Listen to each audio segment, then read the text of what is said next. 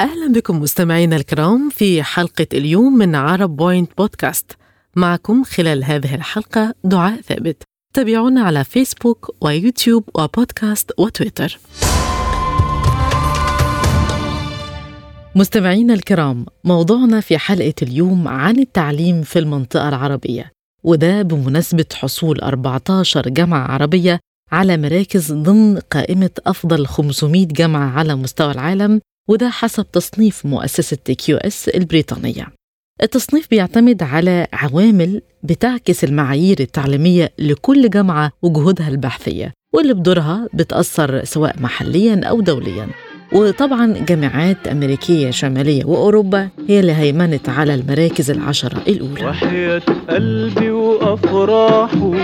وهنا في مساء وصباحه وحياة قلبي وأفراحه وهنا في مساء وصباحه ما لقيت فرحان في الدنيا زي الفرحان بنجاحه وحياة قلبي وأفراحه وهنا في مساء وصباحه وحياة قلبي وأفراحه وهنا في مساء وصباحه ما لقيت فرحان في الدنيا. خلينا نشوف نتائج التصنيف بالنسبة للدول العربية. جامعة الملك عبد العزيز جاءت في المركز 143 عالميا والأول عربيا.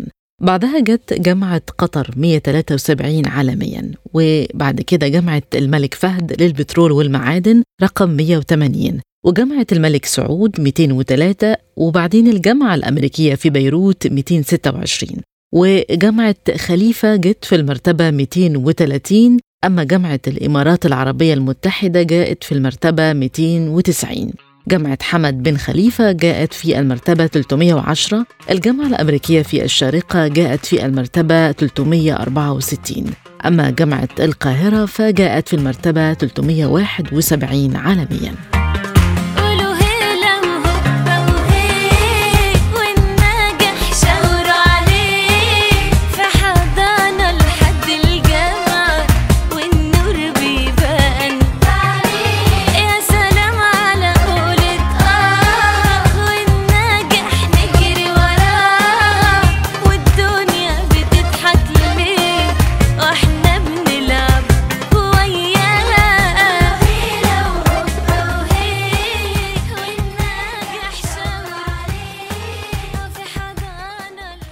الحقيقة النسخة العشرين من تصنيف QS للجامعات بتضم 1500 جامعة بينها 84 مؤسسة تعليمية عربية في 15 دولة عربية عبر جامعات من تونس والسودان والمغرب وعمان والأردن والعراق وفلسطين وسوريا.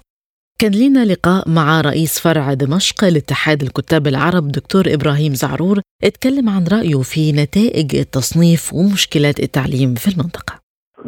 أهلا وسهلا بك تحية لك وللإخوة المستمعين. أه، حقيقة أه، مسألة التصنيف ليس فقط في التعليم أو في الجامعات وحتى في القضايا الأخرى الفكرية والسياسية والثقافية والاقتصادية. هناك إشكالية، هناك البعض يعتبر أو يعد هذا التصنيف دقيق 100% وهناك البعض يقول أه، أن التصنيف يعني لأسباب أخرى ولاشتراطات وهي إملاءات تحقق أحيانا إملاءات من المراكز ال- يعني الدول الكبرى وبالتالي ليست موضوعية أه، بالكامل. يعني لا يوجد موضوعية بالكامل ولكن نحن نتمنى حقيقة أن تكون الموضوعية هي رائد في هذه القضايا وخاصة مسألة التصنيف. كي آه، يتعرف المجتمع الإنساني في الدول في القارات في آسيا في أفريقيا في أوروبا في أمريكا اللاتينية في أستراليا على هذه المفاهيم في أفريقيا على هذه القضايا. وتعد مصدر أساسي آه، في التعامل مع مشكلات التعليم. في الجامعات وهناك مشكلات حقيقية في التعليم حقيقة. يعني آه، التعليم في الدول المتقدمة آه، يختلف عن التعليم في الدول النامية أو المتخلفة أو للتسير في طريق النمو. والوطن العربي هو يعني من الدول المصنفة أيضا التي تسير في طريق النمو. رغم دخول كثير من الجامعات الأمريكية والأوروبية والعالمية آه، على الوطن العربي وإقامة جامعات لكن آه، البيئة آه، تؤثر لأن البنية التحتية للجامعات قضية أساسية. مساله التكاليف في البحث العلمي وفي الدراسات وفي متابعة اخر التطورات العلمية في العالم في مختلف الاختصاصات. هي أيضا مشكلة حقيقية. إدارة الجامعة أحيانا أو إدارة الجامعات أيضا وكفاءتها وتخصصها وطبيعتها له دور في هذه المشكلات. لكن أنا رأيي هذا التصنيف ربما يكون في شيء من الواقعية بدرجة معقولة وهو لابد منه بطبيعة الحال ولا بد من التعامل معه. مع أيضا أن تكون هناك دائما وجهات نظر آه، يعني ليست آه، بالضرورة أن تكون متطابقة ولكن آه، قد يكون هناك تباين في بعض الآراء في بعض وجهات النظر ولكن هذا التباين في الآراء أو في وجهات النظر يجب أن يعتمد على قواعد واشتراطات علمية. صحيحه يعني ما هي الأسباب الموجبة التي أدت لمثل هذا التصنيف؟ ما هي القواعد التي اعتمدوها؟ ما هي الأسس؟ ما هي الضوابط؟ ما هي النتائج التي اعتمدوا عليها في مسألة الجامعات إلى آخر ما هنالك. آه، نحن دائما نعاني حقيقة في الوطن العربي من مسألة الفقر آه، في في المجتمع. يعني الدول الفقيرة لا تستطيع أن تخصص موازنات ضخمة آه، للتعليم في الجامعات أو في التعليم العالي. هناك بنى التحتية ضعف في البنى التحتية. هناك ضعف في الكوادر في الكوادر العلمية في الكوادر التخصصية التي لم تستطع أن تذهب إلى أوروبا أو إلى أمريكا أو إلى روسيا أو إلى الصين.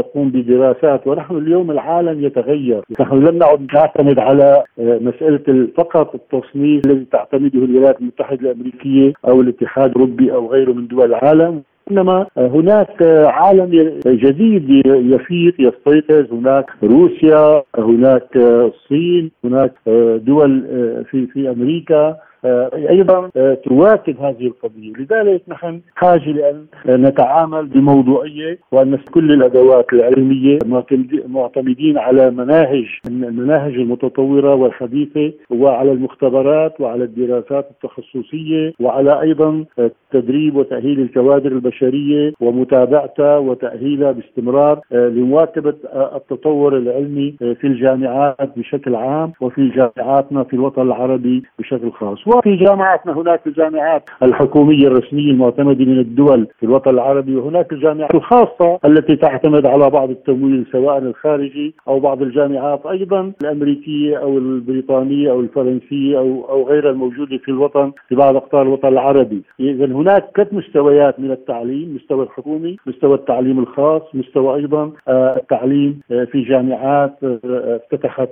فروع لها في بعض الدول العربية. ولكل حقيقة فرع من هذه الفروع مشكلاته يعني المشكلات في الجامعات الحكومية ربما أكبر آه، وفي الجامعات الخاصة آه، بشكل تل وربما في الجامعات الأوروبية لأن تكلفة التعليم في الجامعات الأمريكية والأوروبية تكلفة عالية. وأيضا حتى في الجامعات الخاصة آه، في الوطن العربي أيضا تكلفة عالية وربما تكون التكلفة في الجامعات الحكومية هي أقل وبالتالي لكل المشكلات ولكل هذه المشكلات تختلف بين فرع وآخر. وأي قراءة حقيقة لا تعتمد لغة الأرقام ولغة التقصي والبحث وتكون هناك دراسات حقيقة واضحة بهذا الاتجاه لا نستطيع أن نخلص إلى نتائج أو إلى اشتراطات أو تصورات أو قضايا تسهم بشكل أو بآخر في حل مشكلات التعليم العالي وفي الجامعات العربية بشكل عام.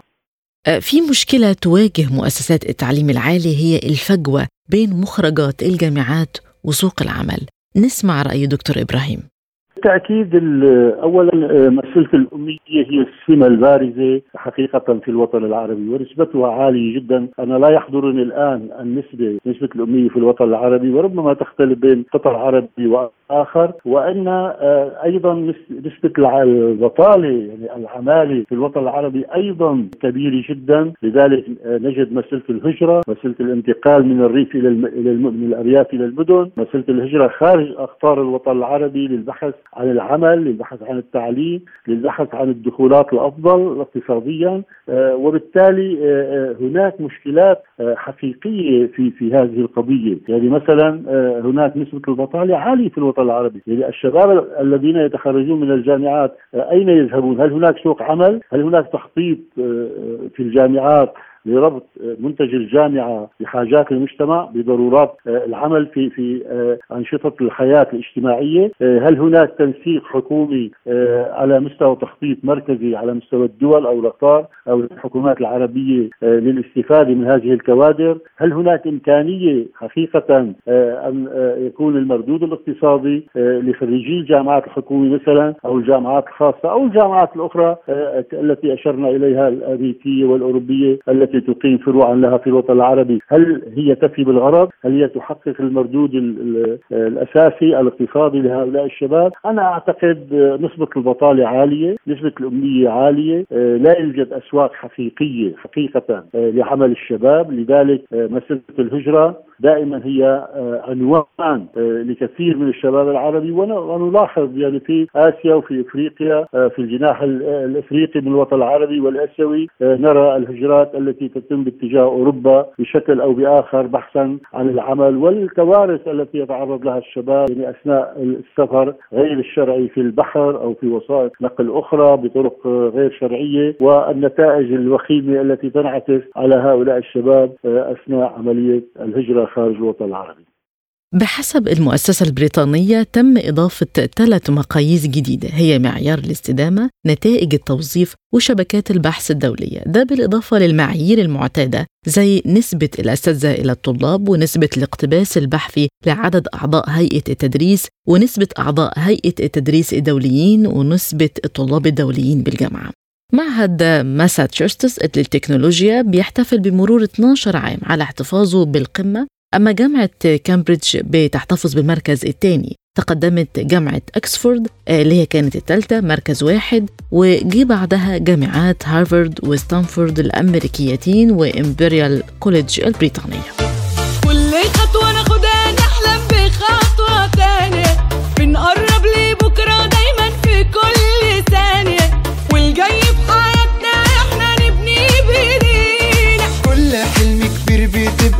بدايته فكرة. ناسيين اللي فات ودايما باصين لبكرة. ومفيش حاجة مستحيلة تقدر علينا. الجاي في حياتك انت عارفه ورسمه ده لكل واحد في حلم مكتوب باسمه. كل الحكاية وما فيها نتعب شوية.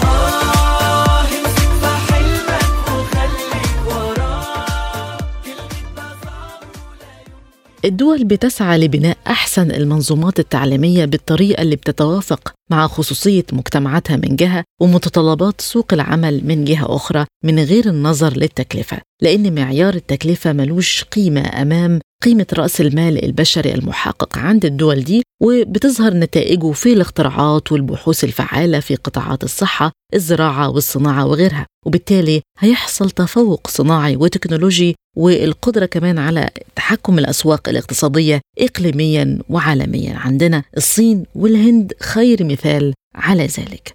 محتاجين إن مسألة التعليم تاخد حقها في النقاشات الفعلية وفي السياسات العامة عند الحكومات في المنطقة العربية. وإحنا عارفين إن اللي بتخصصه الدول العربية كلها للبحث العلمي لا يتعدى 2 مليار دولار وهو في حدود اللي بتخصصه جامعة هارفارد وميشيغان الأمريكيتين. خلصت حلقتنا من عرب بوينت بودكاست. بشكر ضيف حلقة اليوم رئيس فرع دمشق لاتحاد الكتاب العرب دكتور إبراهيم زعرور. بشكركم مستمعينا. كنت معاكم أنا دعاء ثابت. تابعونا على فيسبوك وتويتر ويوتيوب وبودكاست.